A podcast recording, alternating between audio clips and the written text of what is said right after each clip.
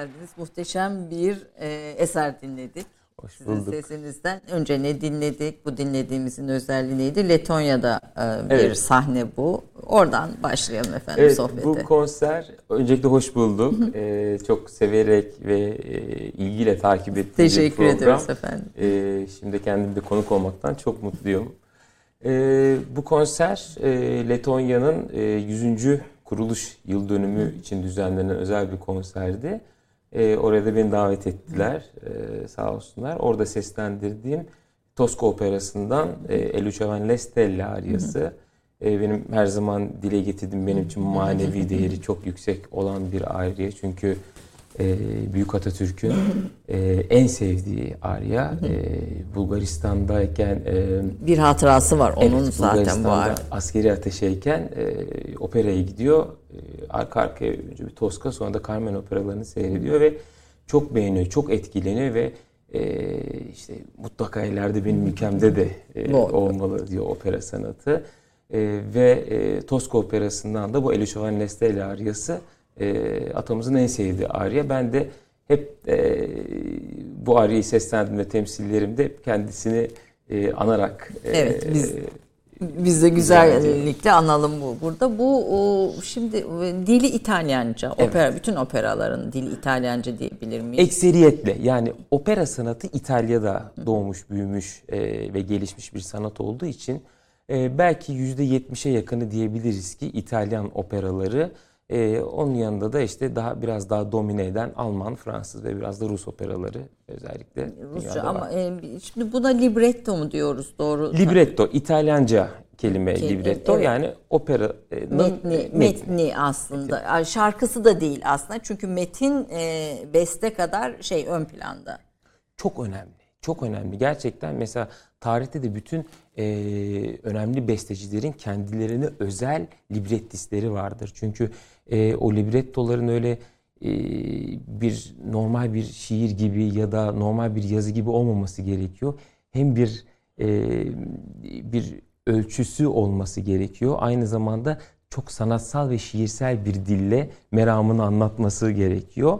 E, zaten baktığımız zaman mesela bütün büyük operalar aslında dünya klasiklerinden ortaya çıkmıştır. İşte atıyorum La Traviata dediğimiz Kamelyalı kadından e, ortaya Bir çıkmıştır. edebiyat eserinden esinlenerek çıkıyor. O edebiyat eseri alınıyor. Ondan sonra o işte operaya en uygun şekilde bir libretto haline getiriyor. Kısa özetleyerek, özetini çıkartarak ve bunu sanatsal, şiirsel bir dille e, anlatılıyor ve e, şarkı söylemeye, şana da elverişli bir şekilde e, yapılıyor. İşte operayı bize bir aslında anlatın. Ondan sonra sizin hikayenize geçelim. Çünkü hani biz operaya, operaya çok fazla aşina olabilmeyi başarmış bir millet değiliz yani.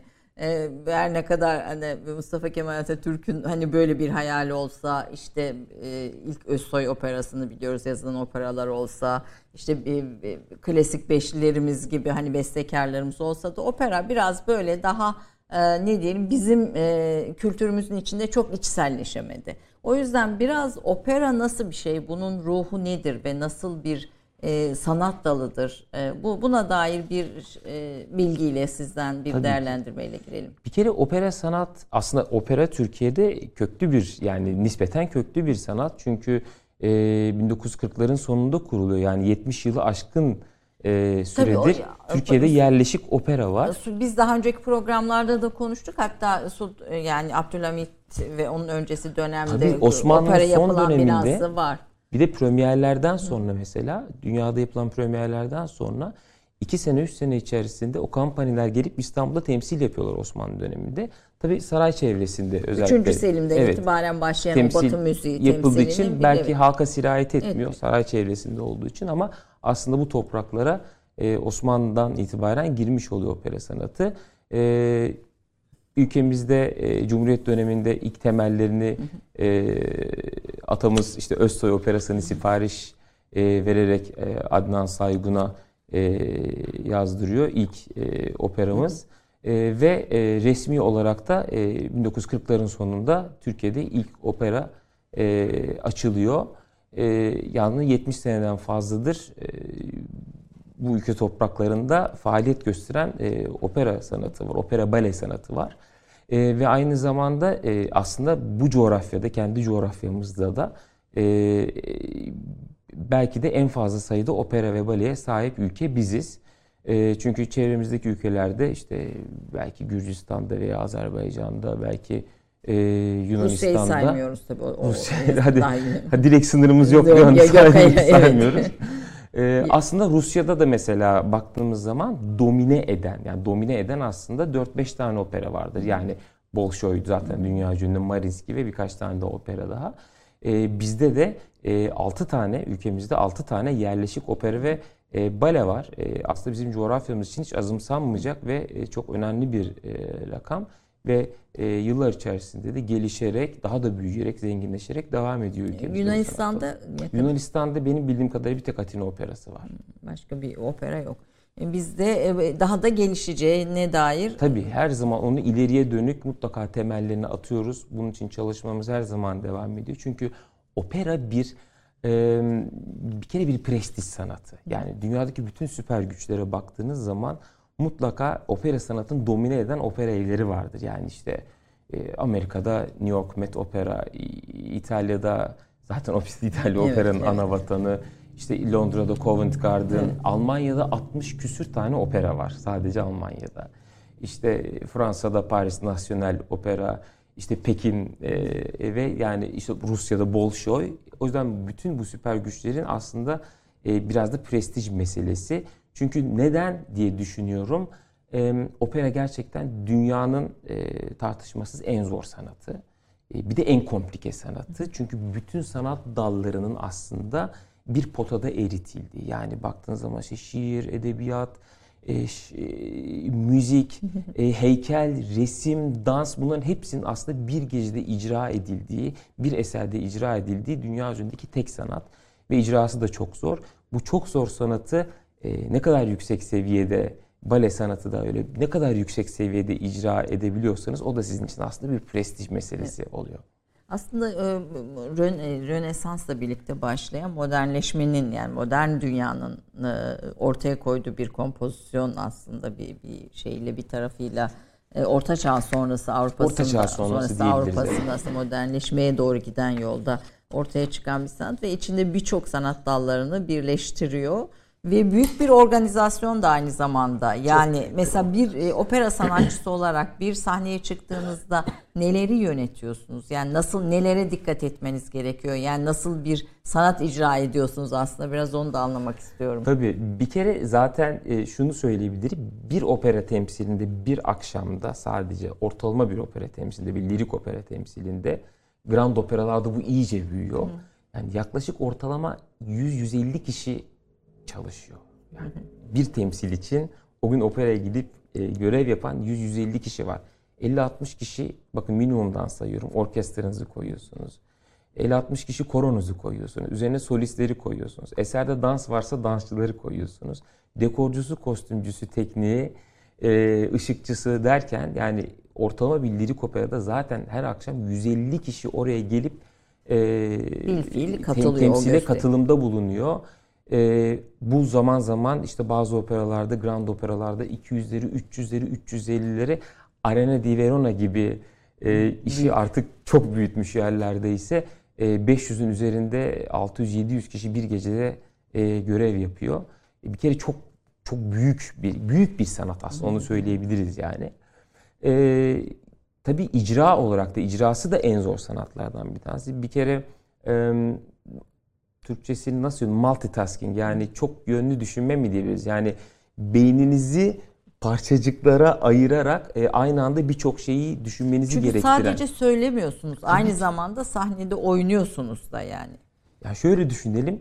300 sayfa bir operayı ezberliyorsunuz. İşte İtalyanca, bir, bir Fransızca. opera ortalama 300 sayfa mıdır? yaklaşık 250-300 sayfa arasındadır. İşte Ve siz baş- İtalyanca ve çoğunlukla İtalyanca olmak üzere ezberliyorsunuz. Siz başrolü söylüyorsanız nereden baksanız bunu 120-130 sayfasından da mesulsünüzdür yani.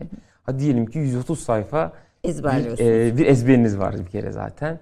E, ve işte İtalyanca, Almanca, Fransızca, Rusça artık o akşam ne söylüyorsanız e, bir bundan mesulsünüz. Hafızanızda müziği ve sözleri tutmaktan ve bu arada ne söylediğinizi de bilmekle yükümlüsünüz. Çünkü bazen hani e, ne söylediğini bilmeden ezberleyen arkadaşlar oluyor. Unutuveriyor o anda veya bir şey. Unutmak da değil mesela. O an çok kötü bir şey söylerken mesela gülüyor ya da e, Anlam- çok an- mutlu anlam olurken bütünlüğü. Çünkü anlamını bilmediği Evet. için e, anlamını da bilmeniz gerekiyor söylediğiniz şeylerin. Librettonun da anlamını bilmeniz gerekiyor. E, önünüzde 60-70 kişilik bir orkestra çalıyor. Verona'da ise 100 kişi çalıyor. Verona'da ise 15 bin kişi ya da normal bir operadaysa 1500-2000 kişi sizi dinliyor. E, mikrofon yok, çıplak sesle bu Hiç kalabalığın mikrofon hayır, kullanılmıyor. hayır. Çıplak sesle bu sesi karşı ulaştırıyorsunuz. Bu kadar izleyiciye Mesela o o büyük orkestranın üzerinde. müzikollerin yani büyük o sahnelerin hani o e, dünyanın en prestijli sahnelerin ortalama izleyicisi ne kadar? Yani en arkadaki izleyiciye ulaşması noktasında Ee, soruyorum. yani yaklaşık e, e, yaklaşık dediğim gibi ya 1000 ile Bin. 2500 arasında ortalama grand operaların e, şeyi değişir. 2500 de var. 2500 kişilik bir salon bayağı büyük bir salon. Bayağı büyük bir salon. Ee, bizim mesela şimdi AKM'miz bitiyor biliyorsunuz yakında. Atatürk Kültür Merkezimiz, evet. Ve e, orası da 2000 kişilik olacak. Ve tabii işte salonun e, akustiği çok önemli. Akustik de mesela bir bilim aslında. Biz bunu mesela çok farkında değiliz ama akustik de bir bilim. Yani o sesin orada en verimli şekilde dönüp en arkaya kadar ulaşmasını sağlayacak bir homojeni ve içerisinde e, sağlamak da çok önemli. E, mesela Atatürk Kültür Merkezi için şu anda e, çok özel bir e, akustik sistem uygulanıyor ve e, bize e, verilen briefingde biz şunu öğrendik. Yani dünyada ilk 7'ye 8'e girecek bir akustik olacak Atatürk Kültür Merkezi'nin e, salonun ana salonun akustiği çok önemli bizim için Tabii çok bu, bu değerli. konser se- ses performansını da etkileyecek. Biz daha önce Mutlaka. Serhan Bali'de konuk etmiştik. Cumhurbaşkanlığı Senfoni Orkestrası'nın binası da CSO da yine aynı akustik ve aynı e, muhteşem e, ses şeyine sahipti, performansına sahipti. Çok yani yeni yeni kavuştuk binamıza. Ankara'da da Cumhurbaşkanlığı Senfoni Orkestrası binamızda gerçekten muhteşem bir salon oldu. E, ve o da artık dünyadaki en güzel opera e, konser salonları e, listesine adını yazdırdı. E, Atatürk Kültür Merkezi AKM'de e, yani bittikten sonra açıldıktan sonra e, bana kalırsa teknik altyapısı ve akustiğiyle beraber dünyada ilk ona girecek opera salonlarından bir tanesi olacak bizim için çok önemli. Tabii onun öncesinde bir dünya çapında ses sanatçımız var. O da sizsiniz. Dünyanın bütün büyük sahnelerinde konserler vermiş ve dünya çapında tanınan, sevilen bir ses sanatçısı olarak e, yani sizi tabii tanımlamak sadece ses sanatçısı yeterli değil. Opera sanatçısı gördüğüm kadarıyla e, dünyanın tanıdığı bir Türk olarak diyeyim ben burada. Hepimiz gurur duyuyoruz tüm bu başarılarınızdan. E, eğitiminizi ve hani bu süreci özgeçmişinizi konuşacağız ama benim böyle sizin e, hayatınızı okurken dikkatimi çeken bir şey oldu. Bir gün bir konserden sonra İtalya'da e, yemeğe çıkıyorsunuz ve sokak sizi alkışlıyor. Biraz onu anlatır mısınız? E, bu e, 2018'deki Turandot'tan e, sonra yaşanmıştı. Aslında ben yani onun görüntüleri hmm. olduğu için aslında e, bu kadar yayınlandı sonuçta. Çünkü ben aslında aslında her sene yaşadığım bir şey aslında bu. Şimdi e, Arena di Verona, Verona'nın tam ortasında konuşlanmış e, 2000 yıllık bir arena e, ve dünyanın en eski e, opera festivali 100 yıldan fazladır yapılan bir opera festivali var orada. Bu sene de kısmet olursa bu yazda yine 3 ayrı prodüksiyonda arenada söyleyeceğim. Bu yaz gideceksiniz bu yaz tekrar. Inşallah, evet. Her yıl tekrarladığınız konserler ya, yani ya da yaklaşık eserler değişiyor. değişiyor. Mesela bu sene ilk premierimi Cavaliera Rusticana ile yapacağız. Yeni prodüksiyon, yeni reji. Premier gecesinde kısmetse ben söyleyeceğim. Ee, söyledikleri kadar da galiba Ray'den de canlı yayınlanacakmış o temsil. Ee, şimdi oradan çıktığınız zaman e, Piazza Bra diye Meydanları. e, meydan vardır. Böyle hilal şeklinde geçen bir meydan vardır ve o meydanın önünde e, bir sürü restoranlar, kafeler yan yana e, durur ve temsil işte gece 11.30 gibi e, bittiği, 10-11-11.30 bittiği için işte insanlar karınları acıkıyor. Bir şey yemek, bir şey içmek için oraya oturuyor operadan çıkanlar. Ee, oradan tesadüfen tabii siz yürürken bir kişi zaten sizi tanıdığı anda alkışlamaya başlıyor. Ondan sonra aa bu o tenor derken bir anda o bir evet. geçide dönüyor. Yani Herkes biz böyle bütün restoranlardakilerin kalkıp sizi alkışladığı bir şey gördük, bir sahne e, gördük ve bir Türk olarak bundan da büyük gurur duyduk. Benim için çok önemli. Ben bunu e, her zaman e, vurguluyorum. E, ben artık e, hep söylüyorum. Ben sahnede aldığım alkışları artık Murat Karahan olarak kabul etmiyorum. Türkiye, ülkem adına kabul ediyorum. Bütün bir e, Türk sanatçı olarak kabul e, ediyorum. Bütün hemen hemen sizinle ilgili tanıtımlarda da Türk tenor sözünü yazdırıyorsunuz. Onu mutlaka yazdırıyorum. Yani hangi operada Bolşoy'un web sitesinde açarsanız, diğerde açarsanız e, ben mutlaka CV'min adına bazen unutuyorlar işte Murat Karahan diyorlar. Hemen onu sildirip Türk tenor Murat Karahan diye mutlaka Turkish tenor diye yazıyorum. Çünkü bir Türk'ün bunları yapabilmesi, başarabilmesi ve ülkesini gururla temsil edebilmesi tabii çok önemli, çok değerli benim için. Ayrı bir gurur kaynağı. Operada kariyer yapmak yani çok kolay bir şey olmasa gerek tüm bu anlattıklarınız e, çerçevesinde. Hele dünyada kariyer yapmak çok kolay bir şey olmasa gerek. Şimdi bunun nasıl gerçekleştiğini reklam sonrasına bırakalım.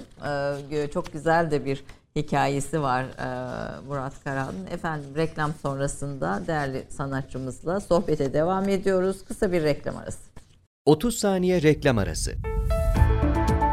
Türkiye'nin tek haftalık haber dergisi Gerçek Hayat, gündemi yakından takip ettiği dosya ve röportajlarıyla her pazartesi okuyucusuyla satış bayilerinin raflarında buluşuyor. Gerçek Hayat artık sayfalardan dijitale taşıyor.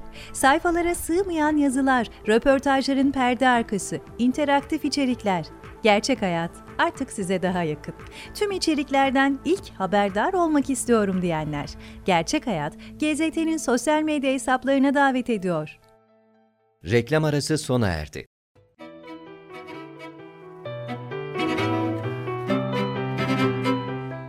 İlk, orta ve lise eğitimini TED Ankara Koleji'nde tamamlayan Murat Karahan, 2003'te Bilkent Üniversitesi Müzik ve Sahne Sanatları Fakültesinden mezun oldu. 2006 yılında yüksek lisans ve 2010 yılında doktora programını tamamladı. 2003 yılında Ankara Devlet Opera ve Balesi'nde solist sanatçı olarak çalışmaya başladı. 2009 yılında Roma'ya giderek 2 yıl boyunca ünlü soprano Renata Scotto'nun ve Santa Cecilia Akademisi Başkanı Profesör Bruno Calli'nin özel öğrencisi oldu. 2012 yılında aldığı davetle gittiği Letonya Ulusal Operası'nda devamlı misafir sanatçı olan Karahan, burada 2 yıl süresince 50'den fazla başrol seslendirdi. Sanatçı 2014 yılında Andante dergisinin düzenlediği Donizetti Klasik Müzik Ödülleri'nde yılın en başarılı erkek opera sanatçısı seçildi. Yine 2014 yılında bu kez Fransa'da Il Trovatore ve Manon Lescaut operalarını seslendirdi. 2015 yılında La Traviata ile Berlin Deutsche Oper'de ilk defa sahne alan sanatçı, aynı yıl Bolşoy Tiyatrosu'nda La Traviata, La Bohème ve Carmen operalarında da başrolde yer aldı. 2016'da Arena di Verona Opera Festivali'nde Il Trovatore operasında başrolü seslendirdi. 2017 yılında Wiener Staatsoper, Arena di Verona, Bolşoy Tiyatrosu, Münih Bayerische Staatsoper, Frankfurt Operası, Napoli Teatro di San Carlo, Festival de Radio France Montpellier, Los Angeles Operası ve Salerno Operası gibi dünyanın en önemli sahnelerinde başroller seslendirdi. Aynı yıl kurucusu olduğu Limak Filarmoni Orkestrası'nın Zeki Müren şarkıları projesiyle Türkiye turnesinde 20 binden fazla seyirciye ulaştı. Bu projenin albümü yayınlandı. 2018 yılı Ocak ayında Devlet Opera ve Balesi Genel Müdürü ve Genel Sanat Yönetmeni olarak göreve başladı. Hala bu görevi sürdüren sanatçı, Troya Epik Operası, Yeniden Doğuş Operası ve Göbekli Tepe Epik Operası gibi yeni eserlerin bestelenmesi ve sahnelenmesi konusunda önemli çalışmalar yaptı.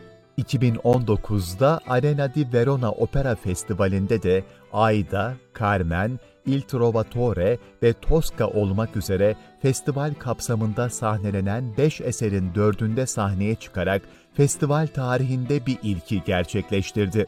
2020 yılı Şubat ayında Münih, Bregenz ve Zürih'te seslendirdiği gala konserleriyle de büyük beğeni toplayan Karahan, İngilizce ve orta derecede İtalyanca bilmektedir. Efendim bizim bu e, Sayın Karahan'ın CV'sini kısaltmış halimizdir. Özgeçmişin daha doğrusu kısaltmış halini. Çok özetlemiş halimizdir. 3 e, sayfalık bir özgeçmiş var. Hepsi de çok önemli temsiller ama bu, bir, biraz özetledik affınıza sığınarak. E, büyük bir fedakarlık yaptı e, Murat Bey programa gelmek için. Biz bir yıldır yaklaşık bir buçuk yıldır aslında konuşuyoruz ve konuk etmek istiyoruz. E, Antalya'da dün bir konseri vardı. Neredeyse hiç uyumadan sabah kalktı uçakla Antalya'dan e, geldi. Bir defa bunun için ayrıca çok çok teşekkür ediyorum. Lütfettiniz, geldiniz. Mutlu. Büyük bir şeref duyduk sizi bana ağırlamakta. Ait, bana ait e, dün Antalya'da konser neydi? Onu evet. bir e, aslında dinlemek isterim. Evet, e, iki senedir aslında çok değerli bir organizasyon düzenleniyor. E, Sayın Bakanımız, çok değerli Bakanımız Mehmet Nuri Ersoy Beyefendi e, iki senedir e, Türkiye'deki birçok ülkenin büyükelçilerini Antalya'da e, misafir ediyor ve e, burada güvenli turizm aslında bir e, bizim demonstrasyonumuzu yapıyor e, yapıyoruz e, yabancı e, misyonlara, e, diplomatlara ve e, bunda tabii kendi ülkelerine aktarmaları için bir vesile oluyor ve iki senedir çok başarılı geçti. Ee, biz de kapanış akşamlarında geçen sene de gerçekleştirmiştik. 7 tenor konseri yapmıştık. Ee, dün akşam da yine Sayın Bakanımızın ev sahipliğinde e, Antalya Operamızın orkestrası e, ve e, Türkiye'nin 6 şehrinden e, 12 tane çok değerli solistimizle beraber muhteşem bir gala konseri yaptık. E, 200-300 civarında e, diplomat ve eşleri e, katıldılar ve e, ayakta alkışladılar. E, ülkemizin tanıtımı açısından da gerçekten çok değerli bir akşam oldu. 80 yine. ülkeden diplomat konuk evet, ettiniz. 80'in üzerinde. Evet. 80'in üzerinde. Muhteşem bir şey. Kaydını izleyebileceğimiz bir yer var mı? Buradan ee, izleyicilerimize söyleyelim. Çekimleri yapıldı. Ee, inşallah e, yakın yakın zamanda yakın zamanda TRT'den yayınlanacak. Peki. Ee, bir de fotoğrafları izlerken Haluk Dursun Bey e, Allah rahmetli anlıyoruz aslında burada kim konuk ediyorsak kültür sanat üzerine mutlaka söz ona bir yerden geliyor ve biz onu rahmetle anlıyoruz.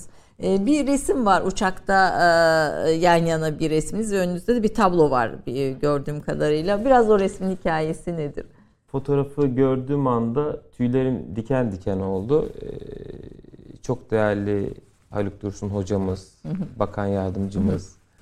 Ee, temaslar için Rusya'ya gitmiştik. Ee, ben de tabii orada çok fazla görevli olduğum için, beni de çok sevdikleri için e, ben de Sayın Bakanımızın, Bakan Yardımcımızın e, mahiyetinde ben de katıldım o toplantılara. Ve orada e, Rusya Kültür Bakan Yardımcısıydı sanırım ya da Kültür Bakanı.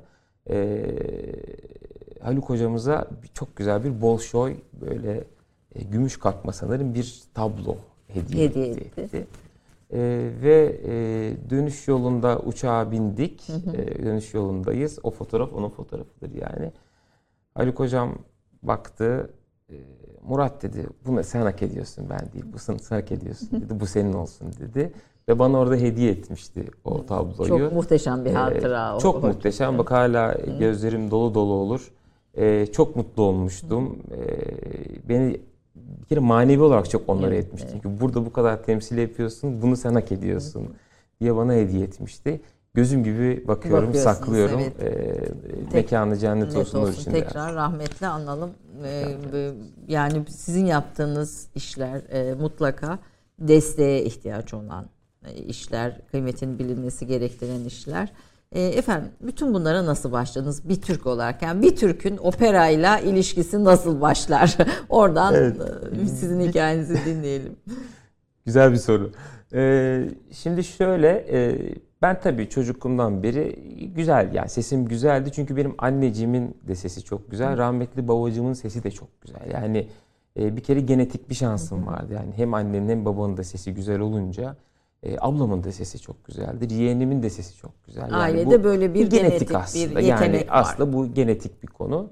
Hem anneden hem babadan alınca tabii böyle bir şansımız oldu Allah vergisi. Ee, anne zaten çocukluğumdan beri ben e, annem anlatıyor hatta bana e, yani ben tabii o zamanları hatırlamıyorum. diyor ki sen daha konuşamıyordun diyor yani konuşamıyordun. Ee, hani eskiden televizyon TRT1 İstiklal Marşı ile açılıp Evet, kapanırdı ya. Ee, daha konuşamazken yani cümle kuramazken televizyonun karşısına geçermişim. Hazır ol da İstiklal Marşı'nın e, müziğini mırıldanırmışım. Na na na na na na yani daha konuşamıyorum yani ama o sırada e, müziğini mırıldanıyorum marşımızın. E, oradan başlayan bir hikaye e, güzeldi. Hep çocukluğumdan beri hep şarkılar söyledim. Annemden özellikle e, Türk sanat musikisinin birçok eserini öğrendim.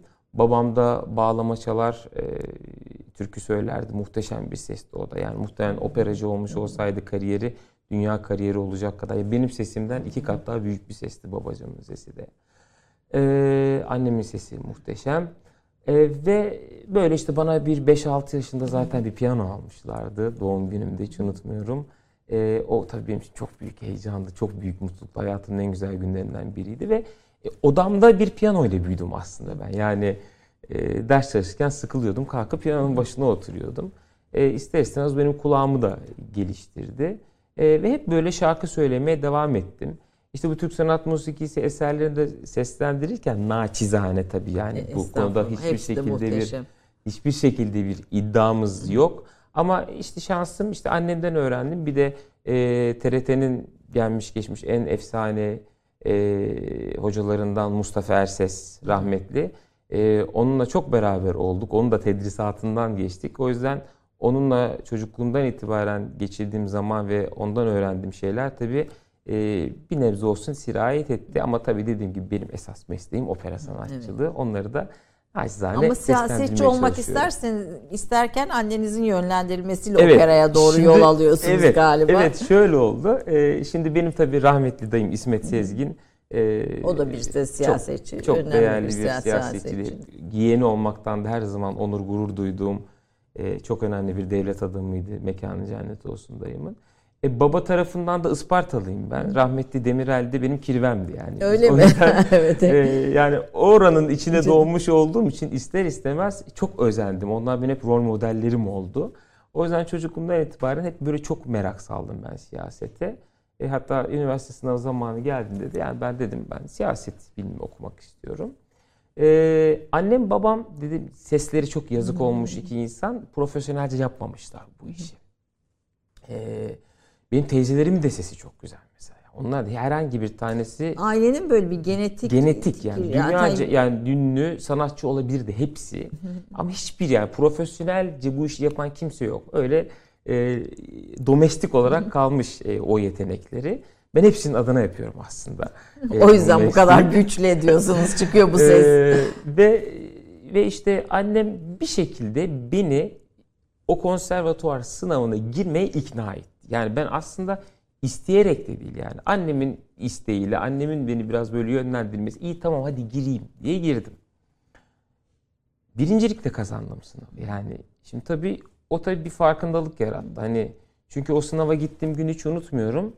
Ee, annem, ablam ve ben üçümüz gitmiştik. Soruyorum işte siz ben işte 5 yıldır güzel sanatlarda okuyorum. Öbürü de ben 5 yıldır şan dersi alıyorum falan. Ben hiç opera şanla alakam yok. Ee, çok değerli Savaş Eri Kolat, e, operamızın değerli sanatçısı.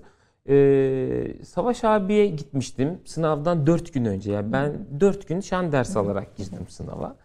Ee, hani hiç ümidim bile yoktu ne yalan söyleyeyim. Herkes deyince ben 5 yıldır şan dersi alıyorum deyince. O sınavı birincilikte kazanınca tabii bir farkındalık oluştu. Ya Allah Allah hacı neden Farklı- acaba far- farklı böyle bir- farklı bir diye. şey. Ve o sınavda mekan cennet olsun Türk opera tarihinin en değerli sanatçılarından rahmetli Suna Korat hocamız e, tabii ben o zaman geldim. Bilmiyorum tabii şey. E, jüri başkanımızdı bölüm başkanıydı. E, bir paravan önden önce söylüyorduk. Kulağımıza bakıyordu sonra öne gelip şarkı söylüyorduk.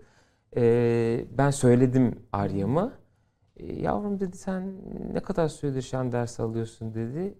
Hocam dedim 3 gündür 4 gündür ben dedim Öyle mi? Yani, peki teşekkür ederiz dedi. Ee, beni gönderiyor kapıdan dışarı. Paravan da olduğu için benim daha kapıyı kapadığımı duymadı. Muhteşem bir ses dedi. Ben onu duydum. Sonra çıktım dışarı. Fakat normalde sınavlar 15 dakika falan sürüyor işte o hepsi. Ben içeri girmem mi çıkmam 4-5 dakika sürdü. Annemler de niye çıktın sen dışarı? Dedim beni çıkarttılar. Bu sefer ikileme düştüm. Acaba hani beğenmediler mi çıkarttılar beni dışarı? Ama diyorum Suna Hoca demiş, dedi Muhteşem ki dedi. muhteşem bir ses. Sonra öğrendim ki birincilikle kazanmışım. Bu bir adım tabii. O ilk adımıydı. Sonra ben e, bütün öğrencilik hayatım boyunca e, bu ihtilafı annemle yaşadım. Yani anne ben siyasetçi olmak istiyordum. İşte sen beni bu işe yönlendirdin. Ben işte e, benim hayallerim başkaydı. Ve annem de her zaman şey diyordu bana. Sen 18 yaşındasın, 17 yaşındasın. Ben senin 35 yaşındaki halini düşünüyorum. E, ileride beni bir gün anlayacaksın diyordu. Son derece sakin bir şekilde. E, hatta bir gün yine böyle okulda da böyle bir kızdığım bir gündü. Böyle hocalara mı sinirlenmiştim bilmiyorum. Yine geldim böyle bir hiddetle.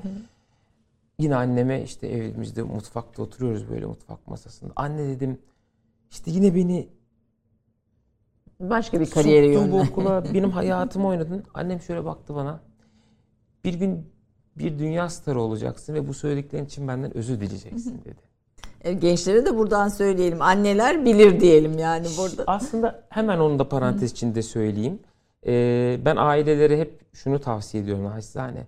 Ee, evladınızda bu spor olur, sanat olur, bilim Herhangi olur, şey olur, matematik evet. fark etmez. Akranlarından gerçekten farklı bir yetenek seziyorsanız onu birazcık o tarafa doğru belki biraz itelemek gerekiyor. Çünkü o Allah vergisi bir yetenektir. Onu harcamak doğru bir şey değil. Ee, ve ben ondan sonra işte operaya ilk girdim. Daha gencecik böyle 3 aylık bir sanatçıyım. Bana bir eserde rol verdiler. Yevgeni Onegin operasında Mösyö Tilke rol veriyor. Çok hoş bir aryası var. Ee, ben o aryayı söyledim provada. Genel provamızdı bizim orkestral provamızdı. bütün orkestra, koro beni alkışladı. Orada böyle yeni gelmişim böyle orada abilerim, ablalarım böyle hepsi böyle aferin diye alkışladı. İşte o an benim kanıma zehir girdi. Evet. O o duyguyu yaşadığım anda e, kanıma benim zehir girdi. Koşa koşa eve gittim. Aynı mutfakta, aynı masanın önünde. Bu sefer anneme sarıldım, ellerini öptüm ağlayarak. Teşekkür ettim. Evet. Ee, ve hala da müteşekkirim anneme. Çünkü hayatta yapabileceğim en güzel mesleği yapıyorum. Ee, bugün şimdi bana sorsanız siyasetçi mi sanatçı mı olmak istersiniz diye yüz kere de sanatçı olmak isterim. Ee, Türkiye'deki eğitiminizin üzerine bir de İtalya'da dünyanın Evet. en e, ünlü sopranolarından birisinden ders aldınız. Hocalardan birisinden ders aldınız ve İtalya size nasıl bir fark ortaya koydu bir Türk sanatçı olarak? Ee, Çünkü İtalya operanın doğduğu yer yani orada 400 yıllık bir e, opera tarihi var. Gerçi şimdi e, baktığımda bizim de ilk e, Topkapı Sarayı'nda 1797'de efendim ilk opera temsilimiz 3. Selim'in isteğiyle yapılmış. Hani bi- biz de çok çok o kadar eski değiliz ama bu bu konuda tabii e, aynı çizgide ilerleyememişiz. Bence bizim çok hatırı sayılır köklü bir opera ve bale geleneğimiz var. Ee, ve bunun bir parçası olmaktan da ben gurur duyuyorum, Evet. mutluluk duyuyorum. Ee, İtalya ne e, nasıl bir şey o koydu tüm bunların için? Ee, şöyle benim mizacım gereği e, yakından tanıyanlar da biliyor. Ee, ben her işe elini atan bir adam değilim. Ama bir işe elimi atıyorsam eğer mutlaka onun en iyisini yapmaya odaklanmış bir insanım. Ben opera mesleğini artık e, operayı mesleğim olarak benimsedikten sonra, içselleştirdikten sonra artık tek hedefim vardı. En iyisini yapmak.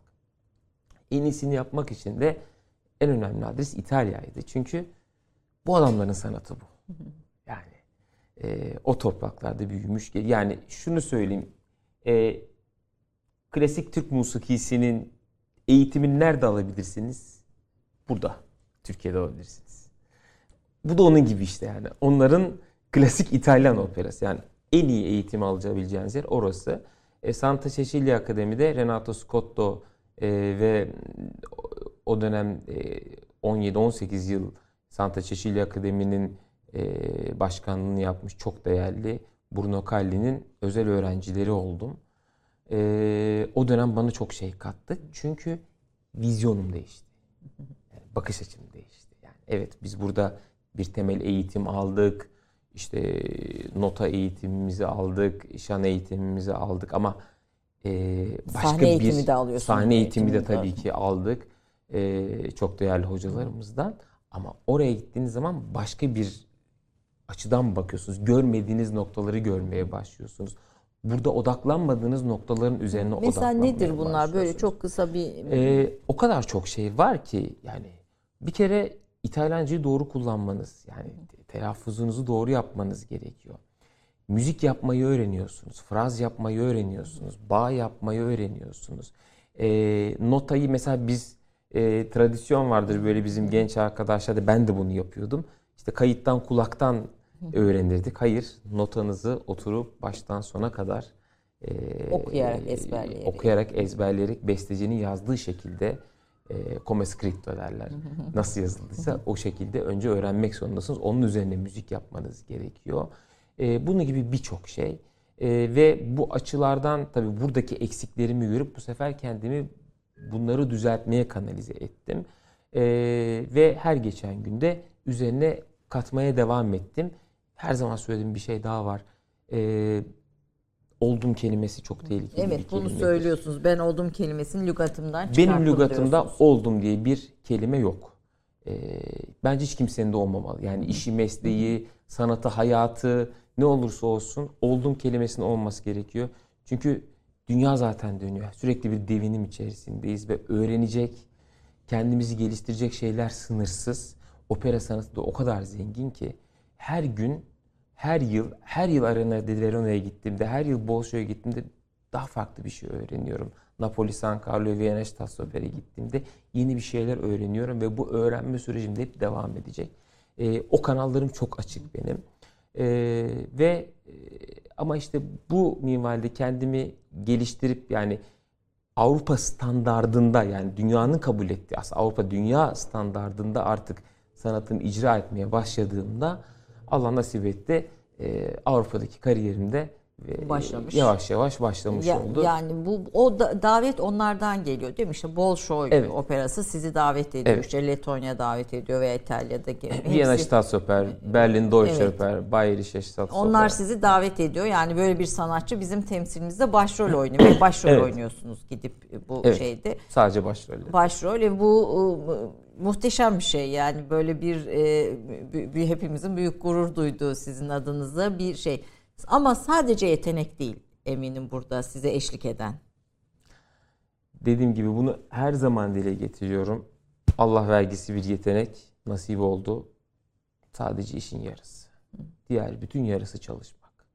Hiçbir şey çalışmadan, emek vermeden, fedakarlıklar göstermeden olmuyor.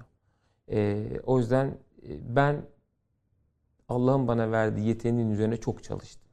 Hep kendimi geliştirdim. Hep daha iyisini aradım. Hala daha iyisini arıyorum. Yani işte atıyorum dün akşam söylediğim aryayı uçakta gelirken ben beş kere dinledim. Hmm, burayı böyle bir yapsaydım. Burayı hala kendi kendime eleştiriyorum.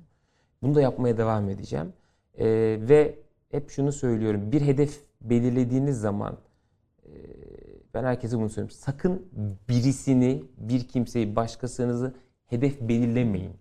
Hedefiniz kendiniz olun. Kendinizle Var yarışın. mıydı dünyada örnek aldığınız sanatçılar? Örnek aldım. Yani biz İdolüm- Pavarotti'yi biliyoruz. Çok popüler kültürün e, içinden bildiğimiz Yani isim olarak. İdolümüz tabii ki benim de idolüm Pavarotti'ydi, Luciano Pavarotti ve Placido Domingo'ydu. Ee, on, o ikisi de benim için çok önemli, çok idol olmuş iki tane e, opera tarihine geçmiş, altın harflerle geçmiş iki tane çok büyük yıldız. Ee, zaten kendim yani teknik olarak kullandığım tekniği de tamamen Pavarotti'yi izleyerek e, onun uyguladığı e, muhteşem bir şekilde uyguladığı tekniğin üzerine hep konuşlamaya çalıştım. Ve Pavarotti'nin tekniğinin üzerine oluşturmaya çalıştım ben kendi tekniğimi de. E, Placido Domingo'yla da hem çalışmak hem beraber olmak nasip oldu. E, Resimlerde de vardı Kendisi de çok e, iyi aramız. Hatta beni de çok seviyor. Böyle bir o da bir benimsemişliği ve çok desteği var bana.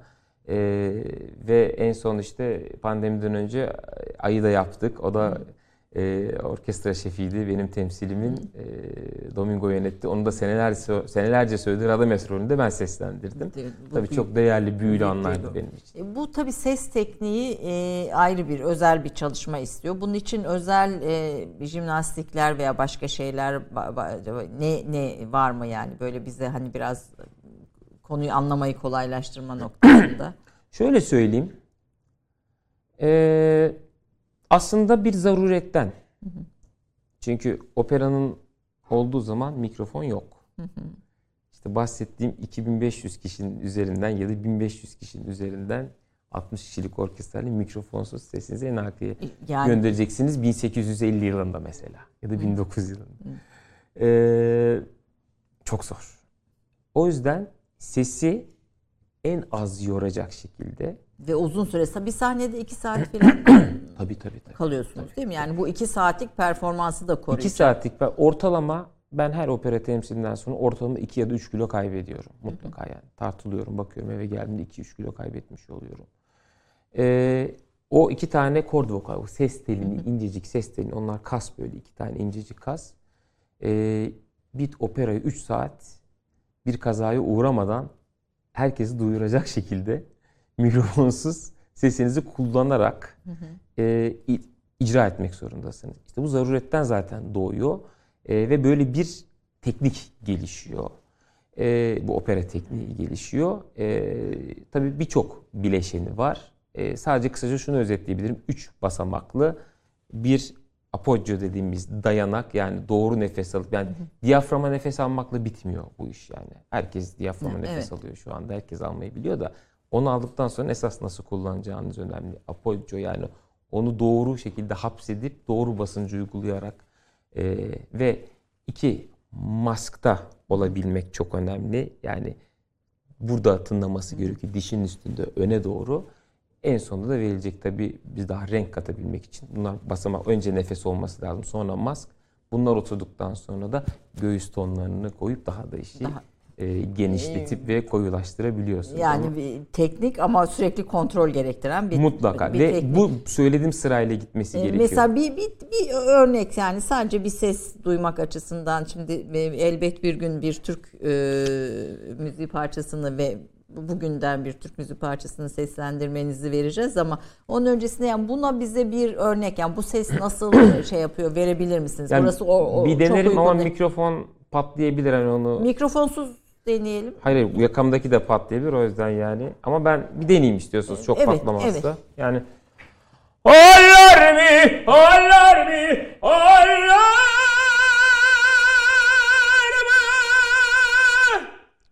böyle bir şey yani. ve bu yorgunlukla çıkan bir sesi müthiş bir şey yani böyle bir e, şimdi bir daha dinlerken efendim O siz daha farklı bakacağız. Kameraman arkadaşlarımız da frekansı hissettiler. herhalde. evet daha farklı bakacağız bundan sonra sizi dinlerken yani bunun nasıl bir farklı bir şey olduğunu daha idrak ederek bakacağız. Çünkü yani düşünebiliyor musunuz yani arenada verena diyorsunuz bir açık hava 15 bin kişi var 100 kişi çalıyor önünüzde mikrofonunuz yok yani en arkadaki kişinin sizi duyması gerekiyor. Efendim bi- biz de tabii bir cahillik edip önünüze mikrofon koyduk çok ayıp ederek. Estağfurullah, estağfurullah. yani böyle kusura bakmayınız. Ee, efendim şimdi e, e, Türk müziği yani bugünün şarkılarında tabii Limak'ın kurucularındasınız. Limak Filarmoni Orkestrası ve Türkiye'de bir ilk bildiğim kadarıyla Limak bu, bu noktada ve Zeki Müren konserlerine başladınız. Türk müziği söylemeye başladınız. Ee, bir opera sanatçısı olarak bu bir çizgi değişikliği midir yoksa sizin için ne anlama gelir? Çok güzel bir soru sorunuz. Çok teşekkür ederim. Bunda cevabını vermek için e, fırsatım oldu. E, 2017 yılında çok sevgili dostum e, Ebru Özdemir'le beraber Limak Filarmoni Orkestrası'nı kurduk biz. E, çıkış noktamız, amacımız çok sesli müzik. Halka, insanımıza çok sesli müziği sevdirmek ve tanıtmak. Murat Türk sanat müziğisi seslendirdi. İşte türkü seslendirdi. Eyvah operayı unuttum o. Operayı yoksa aşağı mı çekiyor? Ee, ya da işte sen kimsin operacı olarak da Türk sanat müziğisi söyleyeceksin. Yani biraz böyle bir daha hani alt kaliteli, az sesli, az şeyli bir müzik. Aslında hiçbiri az kaliteli ya da yüksek kaliteli falan. Müzik müziktir. Yani müzik Hayır hayır onların algısı müziktir. açısından Ben, söylüyorum. işte tabii. ben herkesin algısıyla bakmıyorum. Ben müziği müzik olarak değerlendiriyorum. Eğer bir Afrika kabile müziği de benim tüylerimi diken diken ediyorsa o da benim için değerlidir. Yani bu türkü de olabilir, Neşet Ertaş da olabilir. Yani ben Aşık Veysel uzun ince bir yoldayım söylerken ağlıyorum. Atamı anarak seslendirdiğim Tosca'dan Gençlik Eli Çovan Lestelle aryasını söylerken de ağlıyorum. Evet. İlla birini seçmek zorunda değilim. Biri benim öz müziğim. Bu toprakların müziği. Benim doğduğum Toprak. toprakların müziği. İçinde büyümüş olduğum müzik. Tabii ki sahip çıkacağım türkülerime. En doğal hakkım benim. Diğeri de beni var eden, dünyada kariyer yapmamı sağlayan, beni dünyaya tanıtan dünyanın en zengin sanatı ve aşık olduğum opera sanatı. O yüzden operacıyım, türkü söylemeyeceksin, dinlemeyeceksin. Kabul etmiyorum. Ya da işte neden ya? İkisini söyleyemez miyim ben? İkisini de yapamaz mıyım? Bunun da zevkini yaşayamaz mıyım? Tadamaz mıyım ben? Bunlar çok önemli Veya şeyler. biz dinleyiciler olarak bu- bunu dinleyemez miyiz? Yani Şimdi böyle mesela bir severek. çok önemli bir örnek daha vereceğim size. Yani bu yanlış bakış açısını işte. Napoliten şarkılar vardır. O Sole Mio, işte Dişi Tencello'yu hepimizin çok iyi bildiği. Napoliten şarkı dediğiniz Güney İtalya'nın Napoli şehrinde mandolinle, köy şarkıları. akordiyonla çalınmış oranın bildiğiniz halk şarkı. Evet. Biz hepimizin dillerinde bütün dünyada söylüyoruz biz bunu. Bütün konserlerimizde. Yani Opera eserleri. İtalyan halk şarkısını çok sesli söyleyince bir şey olmuyor da Neşet Ertaş'ı söyleyince mi oluyor? E, aynı zamanda e, operanın içinde dini musiki de var değil mi? Yani Hristiyanlar Tabii yani iyi. kökenine geldiğinizden Köken- itibaren yani hepsi dibine Gregorian müzikten bu tarafa Evet. doğru gelen bir süreçten bahsediyoruz. Ve Domingo biraz önce bahsettim. Placido Domingo. Evet. Her konserinde İtal, İspanyol halk şarkıları, zarzuela söyler. Hatta zarzuela konserleri yapar. Bildiğiniz İtalyan türküsüdür yani. Şey, İspanyol şarkısıdır, türküsüdür. Şimdi Domingo İspanyol halk şarkısı söylediği zaman Domingo olmaktan vaz mı geçiyor? Yine gelmiş geçmiş dünyanın en büyük operasıdır. E, Pavarotti'nin de biliyorsunuz e, starlarla dünyanın e, popüler müzik starlarıyla konserleri var, seri konserleri var. Onu da çok eleştirmişler Evet, biliyorsunuz belgeselinde Evet, belki siz de evet, fark evet. görmüşsünüzdür. Sonra Roberto Alagna benim çok sevgili dostum yani abim gibi sevdiğim dünyanın en büyük tenorlarından bir tanesi. Yarı Fransız yarı Sicilyadır. Daha bir sene önce iki sene önce Sicilya şarkıları albümü çıkardı. Bayağı bütün Sicilya şarkılarını söylüyor. Yani İtalyan yapınca normali oluyor da Türk Türk Angela, müziği, Türk Angela Gheorghiu dünyanın en önemli sopranolarından bir tanesi. Çok yakın zamanda Romanya Halk Şarkıları CD'si çıkardı. Şimdi onlar yapınca oluyor da biz niye söyleyeyim? Ben neden türkümü söylemeyeyim? Ya da türkü söylediğim zaman opera sanatını bir yere mi koymuş oluyorum? Hayır ben türkümü naçizane kendi janrımda söyleyip dilimin yettiği kadar söylüyorum, seslendiriyorum. Oradan çıkıyorum. Ertesi günde Bolşoy'da Manon Lescaut söylüyorum ya da arenada Turandot söylüyorum. 15 bin kişi bir türkü opera söylerken ayakta alkışlıyor. Kal- kal- Efendim e, bir Türk müziği dinleyelim. Aslında yeni yıl konserleriniz çok güzel. Yani TRT2'de yayınladı bildiğim kadarıyla. Bunun içinde türkü dahil yani operadan e, Türkiye hepsi böyle bir seçki olarak var. Sevdiğim şarkıları söyledim. Sevdiğin- Aslında onu söyleyeyim. Ben o konserde, o yeni yıl konserinde iş sanatla yaptığımız, Limak filan Pardon İş Sanat'ın yaptığımız konserinde. sevdiğim şarkıları söyledim. Ya Murat'ın sevdiği şarkılardı onlar. Kendi Ee, şarkılar. hepsi de çok güzel dinlemenizi tavsiye ederim ama biz kısa bir elbet bir gün buluşacağızı bir e, Murat Karahan yorumu Türk müziği noktasında görmek açısından dinleyelim O efendim. elbet bir gün buluşacağız sanırım. e, Cumhurbaşkanlığımızın düzenlediği Hierapolis. Hierapolis'teki Cumhurba- evde bayram konserlerinde çok zevk aldım, gurur duyarak, mutlulukla gerçekleştirdim. Çok özel bir konserdi o da. pandemi döneminde. Pandemi, döneminde ve o dönemi. pandemi döneminin sonunda aslında yapılan orkestraların ilk bir araya geldi. Hatta belki Avrupa'da bile, Avrupa'da bile ve e, bütün ilk örneklerini bizim koyduğumuz mesafesi, işte plexiglasslar, e, nefessiz sazların önünde aslında pandemi döneminde orkestralı konserler nasıl yapılırın ilk örneğiydi aslında o konser. Hierapolis'in de bir özelliği var mı burada? Ee, Bir tarihi fon. e, Evet, evet. Yani tarihi fon ve zaten konserde de biz O, o, o fonu- konser serilerinde, evde bayram konserlerinde zaten hep e, ülkemizin çeşitli tarihi mekanlarında yapıldı. yapıldı, konserler. gerçekleşti. Pamukkale filan da başka konserler için vardı. Efendim dinleyelim buyurun.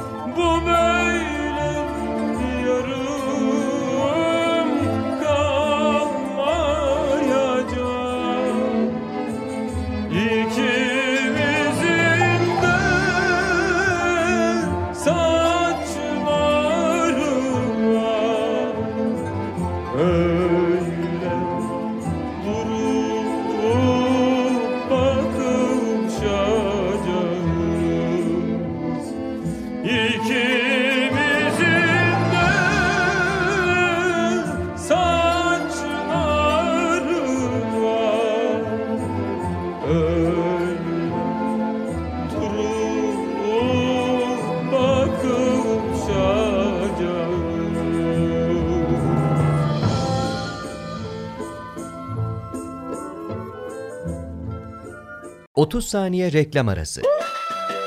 Birinci sınıf bir kültürün, birinci sınıf bir düşüncenin, birinci sınıf bir duyarlılığın dergisi Cins, hem edebiyat dünyamızın önde gelen isimlerini hem de yeni kalemleri ağırlıyor. Her ay bayilerden ulaşabileceğiniz Cins dergi, dijital dünyaya da yeni bir kapı aralıyor. Sayfalara sığdıramadığımız kıymetli yazılar, merak ettiğiniz yazarlarla cins sohbetler, dergiden ekrana yansıyacak röportajlar ve tabii podcast. Şimdi sizleri cinsi tüm sosyal medya mecralarından ve gezete.com adresi üzerinden takip etmeye davet ediyoruz. Reklam arası sona erdi. E, Efendim e, Murat Karahan değerli sanatçımız aynı zamanda Kültür Bakanlığı Devlet Opera ve Balesi Müdürü. Biz tabii işin o kısmını e, böyle bir son bölüme bıraktık. Çünkü çok genç bir müdür bir defa her şeyden önce ama geldiğinden itibaren önemli e, opera eserlerinin ortaya çıkmasına katkı sağlamış. E, ve aslında operamızın e, ne diyelim daha ileriye gitmesi noktasında atılımlar atmış. Tüm amacımız e, ortak bulunduğunuz her yerde her şeyi daha iyi yapmak. Çıtayı daha yüksek. Daha çıta, Yani çıtayı daha yüksek. hedeflediğimiz bir e, nokta. Dediğim gibi çok çok değerli sanatçılarımız var. Çok değerli bir potansiyelimiz var. Çok değerli operamız var. Balemiz var. E, ben sadece belki birazcık e, ataleti düşmüş ama çok büyük bir potansiyeli daha aktif ve verimli hale getirmek için çaba gösteriyorum. E, yoksa e, gerçekten çok çok değerli orkestralarımız olsun, bale kampanyalarımız olsun, opera sanatçılarımız, koro sanatçılarımız, tekniğimiz olsun. E, çok büyük bir potansiyelimiz var. Sadece işte biraz vizyonumuzu değiştirerek daha e, daha aktif, daha atılımcı, daha çıtayı yüksekte e, koymaya çalışan bir kurum haline getirmeye E, çalışıyoruz. Troy Operası bu dönem içinde sahnelendi. Bir de Göbekli Tepe. E, Evet. Yani çok imkan bulamadı Göbekli Tepe pandemi koşulları nedeniyle. Çok kısa onlardan da söz etmek Yani ister yerli misiniz? yerli opera yapımlarını biz destekliyoruz. Ee, ben ilk genel müdür olduktan sonra hemen e, beşte çok değerli bestecilerimizi e, davet ettiğim bir toplantı yaptık Ankara'da. E, sağ olsunlar şeref verdiler, kırmadılar bizi. E, katıldılar. E, burada yakın zamanda kaybettiğimiz e, çok değerli Muammer Sun hocamız, Timur Selçuk hocamız da katılmışlardı. Onları da Rahmetli e, rahmetli anıyorum. E, ve diğer işte Yalçın Turu hocamız ve diğer hocamız bütün değerli bestecilerimizle bir toplantı yaptık. Yani Türk operası yani iki tane Türk operası markası yaratma amacımız, gayemiz var. Biri icracı olarak. icracı kurum yani klasik operayı en olabilecek en yüksek seviyede icra eden, opera ve baleyi diyorum tekrar, yüksek seviyede icra eden bir kurum olmanın yanında e, bir de işte üretim bazında yani Türk operaları yani dünyada söylenebilecek, e, icra edebileceğimiz, ülkemizi tanıtacak Türk operalarının e, yapımını naçizane desteklemeye çalışıyoruz elimizden geldiğince. Bizim E, şimdiye kadar yapılmış Cumhuriyet tarihinde bu yana Türk opera e, zaten yani Cumhuriyet'le birlikte oluşuyor bu kurum. E, kaç operamız var? Türk bestecilerin. İnanın sayısını bilmiyorum ama çok değerli eserlerimiz, çok değerli. Ya hiç saymadım Evet, kaç Türk evet, operası evet. yazılmıştır Ben de not diye olarak almamışım onun için şimdi merak Ee, ettim. ama çok değerli e, Cumhuriyet tarihimiz boyunca yapılmış bizim de e, büyük bir onurla, gururla e, sahnelediğimiz ve hala da e, sahnelemeye devam ettiğimiz e, çok çok değerli eserlerimiz var. E, işte bunu daha da geliştirip, daha da fazlalaştırarak e, yani bir eser bazında da böyle bir Evet. Türk opera markası yaratmak için bir çabamız var. E, Troya Operası e, Troya yılı için gerçekleştirmiştik. E, artık biz onu Türk sayıyoruz yani Bujorhoynik e, Romanyalı ama e, bir Türk gibi Türkçe konuşan eşi, ailesi Türkiye'nin 30 yıldır burada yaşayan artık bizim gibi Türk olmuş bir e, besteci Bujorhoynik'in e, bestesiydi. E, çok büyük bir başarı elde ettik onda. E, yani 4 gecede Ankara Kongrezyum'da 15 bin yaklaşık 15 bin izleyiciye kapadığı gişe ulaştık. Ve Troy Operası e, Sayın Bakanımız Mehmet Ersoy'un e, çok büyük katkılarıyla beraber e, Bolşoy'da e, sahnelendi. Yani bir Türk operası tarihinde Yani Bolşoy ilk kez, dünyanın en prestijli e, ilk kez operalarından Moskova'da Bolşoy Tiyatrosu'nda sahnelendi ve e, belki onun da görüntülerini bu Moskova görüntülerini bilmiyorum ama e, inanın e, orada da özellikle özel bir izleyici kitlesi vardı. Diplomatlar vardı fazlasıyla ve e, birçok ülkeden belki orada 60 70 80 ülkeden diplomatlar ve Ruslar vardı. 15 dakika ayakta alkışlandı bir Türk operası orada. Bizim için çok değerli, paha biçilmez bir andı. Ee, sonra Göbekli Tepe yılı içinde sevgili Can Atilla'nın bestelediği Göbekli Tepe'nin premierini yaptık. Çok büyük bir mutlulukla ve gururla ve pandemiyle beraber maalesef perdelerimiz kapandı. Ee, pandemiden sonra Allah kısmet ederse hem Göbekli Tepe'nin hem de e, Troya'nın e, temsillerine devam edeceğiz ve tabii ondan Yeni. sonra gelecek yeni eserleri de elimizden geldiğince Alttan gelen öğrenciler nasıl? Yani operaya merak, ilgi e, sahanın içinde nasıl? e, yani bu tabii geleceğe de bir projeksiyon açısından soruyorum. Ve bu alanda, bu sahada ne yapmak gerekir sizin gözleriniz? Şöyle- Yani işin bürokrasisinde görmüş birisi olarak. Evet. Hani hem de dünya sahnelerini iyi bilen birisi olarak. İlgi ilgi çok iyi. Yani şöyle alttan çok arkadaşımız ve çok ilgi var konservatuvarlara da. Ee, ama belki e, belki birkaç tane müdahale etmemiz gereken kısım eğitim e, kısmında e, bazen arkadaşlarımızın çok hazır gelmediğini yani okullardan çok hazır mezun olmadıklarını görüyoruz, şahit oluyoruz. Belki konservatuvar dönemine biraz daha eğilirsek belki Eğitim sürecine. e, biz de opera olarak belki bir katkıda bulunursak yani onların eğitim sürecinden daha önceden e, daha verimli bir şekilde hazırlanmasını. Çünkü ben bazen görüyorum çok yetenekli çocuklar var. Yani Avrupa'da kariyer yapacak e, kardeşlerimiz var.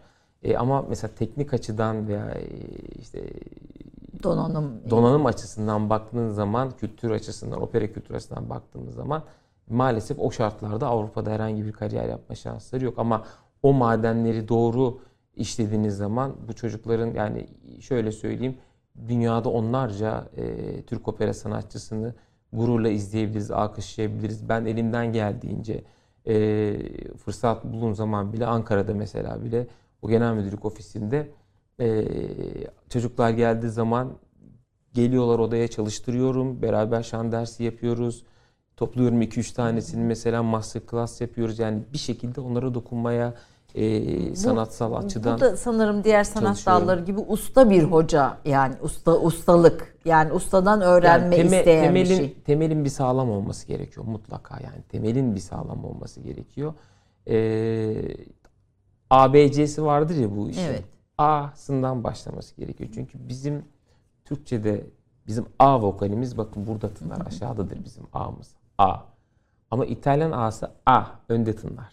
Arada Bir kere her şeyden önce o çocuklara bir A'yı öğretmek lazım. Gerçekten A'yı öğretmek lazım yani. Çünkü vokali önce doğru yere atmanız lazım ki ondan sonra üzerine doğrusunu kuralım.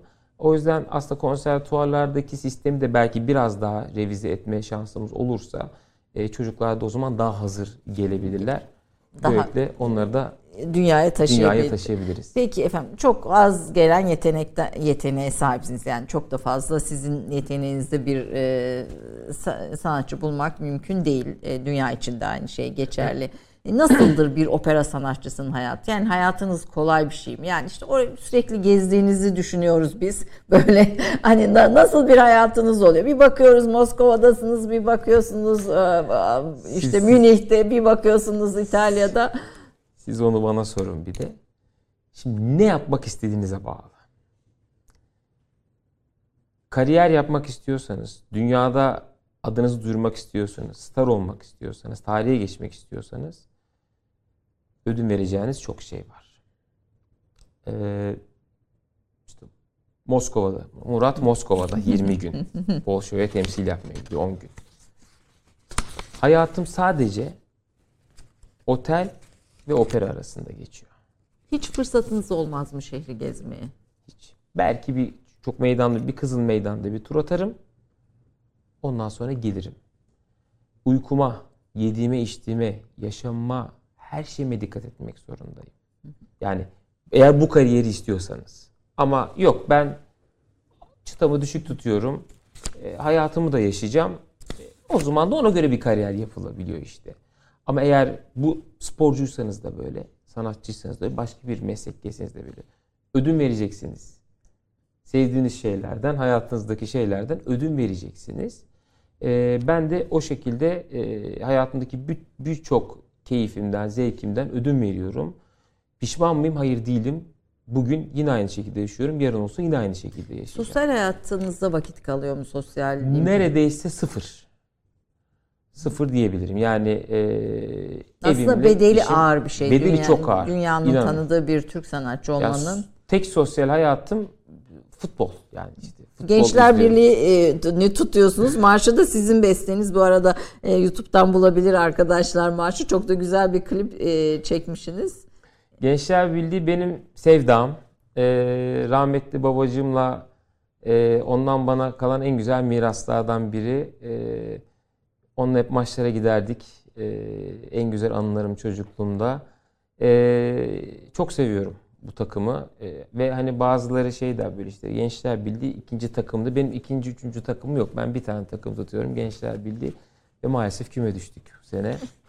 Ee, Çıkar inşallah. İnşallah, inşallah diyoruz. Ee, ben bu konuda biraz e, insanların şehirci olması gerektiğini düşünüyorum. Aslında e, dünyada kendi şehrinin stadının dolmadığı e, tek ülke herhalde Türkiye'dir. Yani Ankara 5 milyondan fazla insan yaşıyor.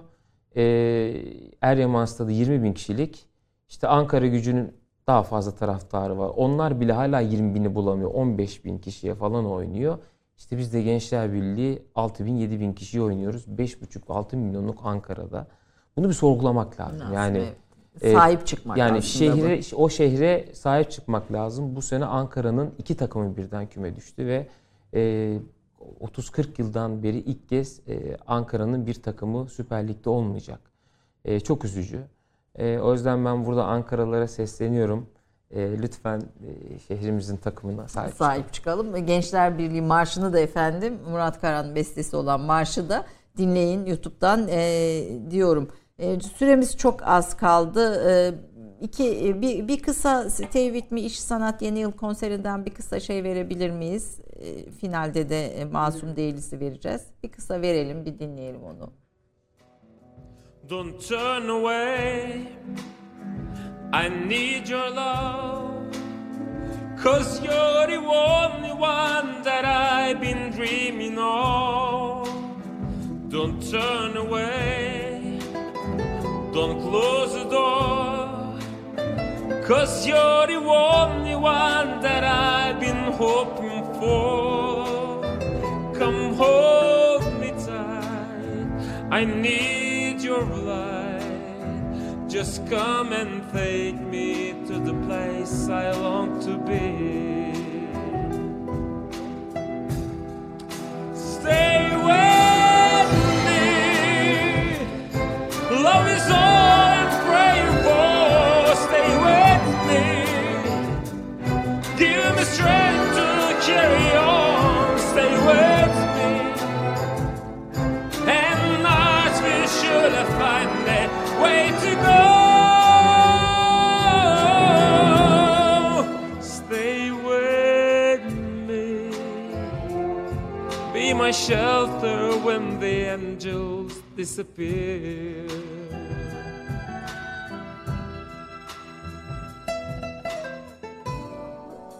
tonda ve farklı hatta eserlerden vermeye çalıştık tabii bir opera sanatçısı olarak. Bunları söylemekte çok kolay olmasa gerek. Bunların hepsi sizin sesinize e, uyum sağlayan şeyler oluyor mu? Çünkü o kadar güçlü bir ses. Şöyle, zaten bir opera yani e, opera eğitimi, şan eğitimi 18 yaşından sonra başlıyor. Yani çünkü ses yani Gelişiyor ve vücut değişiyor. gelişimini tamamlamış olduğu için o gelişimin tamamlanması gerekiyor. O yüzden liseden sonra başlıyor şan eğitimi. E ben 18 yaşına gelene kadar e, bunları söylüyordum. e, bunları dinliyordum. bir- Türkü söylüyordum. Yani Türk sanat musiki söylüyor. Bunları ben operacı olduktan sonra öğrenmedim. Opera sanatına girmeden önce zaten bunları söylüyordum. Yani zaten eski bildiğim şarkılar. Ee, dediğim gibi opera benim, opera sanatı benim aşkım. Yani tek aşkım onu söyleyeyim. E, ailem, sevdiklerimden sonra opera sanatı tek aşkım. E, Eşiniz mühendis Gülce. E, bildiğim Evet. kadarıyla bir kız isteme merasiminde de e, galiba kayınpederinizin size bir hayli zor şartları olmuş. E, öyle öyle öyle okudum magazin haberlerinde. e, orada artık gönlünü kırmadık yani. Yoksa Değil biz mi? Biz kızı istersek alırız diyeyim ben de orada. Peki efendim. efendim bir sanatçıya tabii verirken lat- latifesi e, böyle bir şey esprili bir şey olmuş bir e, Evet. Tabii hoş bir anekdot oldu böyle keyifli böyle e, hem ortamda yumuşatmak e, açısından. mü- Tabii. mühen- mühendislik bambaşka bir alan ama e, Evet. ve sanat hayatı bambaşka bir şey. Bu ikisi arasında uyum denge Gülce Hanım'da nasıl kuruluyor? Ee, aslında güzel kuruluyor. Yani e, bence hmm, bence farklı disiplinlerde olmak bence değer katıyor. Ama ikisi de disiplinli. Ee, tabii tabii çok tabii. Ama de yani disiplinli. çünkü eşim de e, o da yani ODTÜ mezun. Ondan sonra Amerika'da master'ını yapmış. E, e, yüksek mühendis. E, ve e, o da işinde çok başarılı ve e, yani gördüğünüz mesela bu ülkede gördüğünüz birçok stadın çatısının projesini tasarlayan Evet. kişi yani. Ama e, farklı disiplinlerde aslında birbirimize değer katıyoruz. Aslında bu bence bu çok hoş oluyor. Önemli olan e, bu iki farklı disiplinin birbirinin doğrularına e, saygı duyması ve e, birbirlerin birbirlerinin dinamiklerine e, özümsemesi, içselleştirmesi. E, o tabii e, analitik zekanın daha önde olduğu bir e, meslek. Benimki e, hem analitik hem duygusal zekanın önde olduğu e, bir meslek. O yüzden bunlar hep birbirimizden besleniyoruz aslında bu konuda. Ee, daha ben oldum dememek lazım bu meslekte ve sürekli öğrenmek ve kendini geliştirmek e, gereken bir iş yapıyorum diyorsunuz. Ee, daha e, uzun vadede bir hedefiniz var mı? Ee, daha uzun vadede e, bir kere 2012'de başladı benim Avrupa kariyerim. İşte 8. 9. yılı ve Allah nasip etti. Dünyanın bütün neredeyse hemen hemen bütün büyük operalarında sahne aldım. Ee, birkaç tane daha var şimdi hedeflediğim. Ee, onları da bitirdikten sonra artık bu çıktığım noktada kalıcı olmak önemli. Bir de buraya çıkmakla yetmiyor. Yani burada devamlı şimdi işte Bolşo'ya da çıkıp iki tane temsil yapabilirsiniz. Ama ben Bolşoy'da 30'dan fazla temsil yaptım. 50'den fazla Ee, diğerlerinde. ve Kasım'da, Ekim'de kısmet olsa yine iki ay prodüksiyon için yine Bolşo'ya gideceğim. Arena di Verona son 5 senedir neredeyse ben sırtlıyorum. Ee, Arena di olarak. Ya da işte Viyana Stassoper olsun, e, San Carlo olsun, İtalya'nın diğer büyük operaları olsun. Burada işte kalıcı olabilmek e, çok önemli. Yoksa bir kere iki kere çıkarsınız. Ee, onu da başarabildiğim için mutluyum tabii ki. Ee, ve dediğim gibi e, mesleğimi yani yapabileceğim en üst seviyeye Taşımak. taşımak için uğraşacağım ve bu hedefim de hiç bitmeyecek işte. Evet. Yani yeni beni- öğrenciler. Yani 10 gün sonra kısmet olur, 10 yıl sonra yine buluşup böyle bir program yaparsak yine göreceksiniz ben hala daha, yükseğin hedefli yükseğe, olacağım evet. yani. Ve bu arada yeni öğrenciler, e, yeni sanatçıların yetişmesine de büyük katkı sunacağınız e, sunacağınıza inanıyorum. Türkiye'de opera ve balenin gelişmesine de aynı şekilde. Efendim finalle sizden bir eserle bitirelim istiyoruz. Şimdi e, Il Trovatore'den e, ulusal bir yurt dışı temsilinizi mi Evet. söyle- onunla bitirelim Evet, isterseniz. Il Trovatore operası yine opera ile başladık, Evet, opera ile bitirelim. bitirelim. Ee, Il Trovatore operası da e, dünyanın e, bir tenor için daha doğrusu buradaki aryasından sonra Di Quelle Pira Cabarette'si vardır. Çok zor bir e, kabarettadır ve e, sonunda da bir do vardır onun o işte. E, ve- Opera orada çıkıyor o diyorsun. yani o yani birçok mesela birçok kişi e, sırf o alarmı duymak için e, gelir operaya. E, ve benim de kariyerimin temel taşlarından biri olmuştu o e, Il Trovatore operası. E, onu arenada da seslendirdim, İtalya'nın birçok yerinde seslendirdim, Fransa'da seslendirdim. E, benim kariyerimin temel taşlarından biri. E, orada o Dico Lepira yani Arya'dan sonraki o kabarettayı çıkışını Öz- o kabareteye yani. dikkat edelim efendim o zaman bunun önemini. Yani- Be- be- beslenme şimdi yönetmenim kızacak ama e, ben tabii biterken finale gelince bütün sorular da ard arda e, e, gündeme geliyor. Beslenme dediğiniz şey var. Beslenmede bir opera sanatçısı olarak yemediğiniz şeyler neler hiç? Şunu söyleyebilirim. Ee, öncelikle hemen şey söyleyeyim. O e, Dico e Lepira'yı sanırım 4 dakikalık bir video. Esas en can alıcı kısmı onun Sonu. sondaki eğer Sonu keseceksek ortasından kesip sonuna Peki, doğru gidelim tamam, yani. peki. Ee, beslenmek şöyle şimdi burada tabii ses tellerinizi iyi korumanız gerekiyor. Özellikle reflü e, bu konuda çok tehlikeli. E, çünkü e, o asit sizin ses tellerinizi yakıyor. Uzun vadede, orta vadede e, sesinize zarar veriyor. O yüzden özellikle reflüyü tetikleyecek. E, Şeylerden zaten uzak. sigaradan falan hep uzak duruyoruz öyle şeyler. O kariyeri yapacaksanız Yok, hayatınızda sigaranın yani falan hiç düşünemezsiniz bile yani hiç yani adını bile geçirmeniz e, mümkün değil. Asitli içecekler, asitli yiyecekler, yemeden önce yat, e, yatmadan önce yemeler, e, işte çok soğuk, daha doğrusu çok soğuktan ziyade buzlu, e, biraz e, yine çok sıcak, çok soğuk. Bunlar Yani tamamen sanatınıza uygun bir hayat düzeni beraberinde. iyi uyku almak, yani iyi beraberinde uyku almak, geliyor. iyi dinlenmek. Tabii bunun içine kostüm, giyim, her şey e, diz- bu disiplin içinde dahil. Şöyle söyleyeyim ya öyle zamanlar oluyor ki işte o hani o multitasking dediğim nokta yani düşünebiliyor musunuz? İşte 150 sayfa mesul olduğunuz opera aryası. Sonunda Verdi yazmış bir tane do tutacaksınız. Ee, 70 kişi çalıyor, 15 bin kişi size bakıyor. Orkestra şefi benim elimde duracaksın diyor. Rejisör vermiş burada kılıçla savaş yapman gerekiyor. Hatta ata binme, bindiğiniz. Ata, tabii ata tabii. bindiğiniz- Arenada birçok yerde ata binerek de sahne, dört nala çıkıyorsunuz sahneye. E, bunların hepsini bir arada yapıyorsunuz o anda ve hepsinin aynı anda olması gerekiyor. E, beyni çok e, iyi kullanmanın gerek, gerektiği bir sanat. E, evet yani e, bilgi, yetenek, zeka, çok çalışkanlık ve aşırı disiplin. Efendim çok çok teşekkür ediyorum. Ben teşekkür Lütfettiniz. ederim. Gerçekten yorgun ve bir saatlik uykuyla geldiniz Çok ve mutlu muhteşem oldum, bir şeref e, duydum. sohbet Çok e, keyifliydi benim için de yani. Bütün yorgunluğumu burada unuttum Peki sizinle. sizi tanımaktan büyük e, şeref duyduk, onur duyduk. Bana ait o şeref. Çok sağ olun. Efendim e, e, Murat Karahan'ın kariyerindeki önemli bir operayla bitirelim ama sonuna kadar verelim lütfen ve sonuna da dikkat edelim. Haftaya görüşmek üzere. Di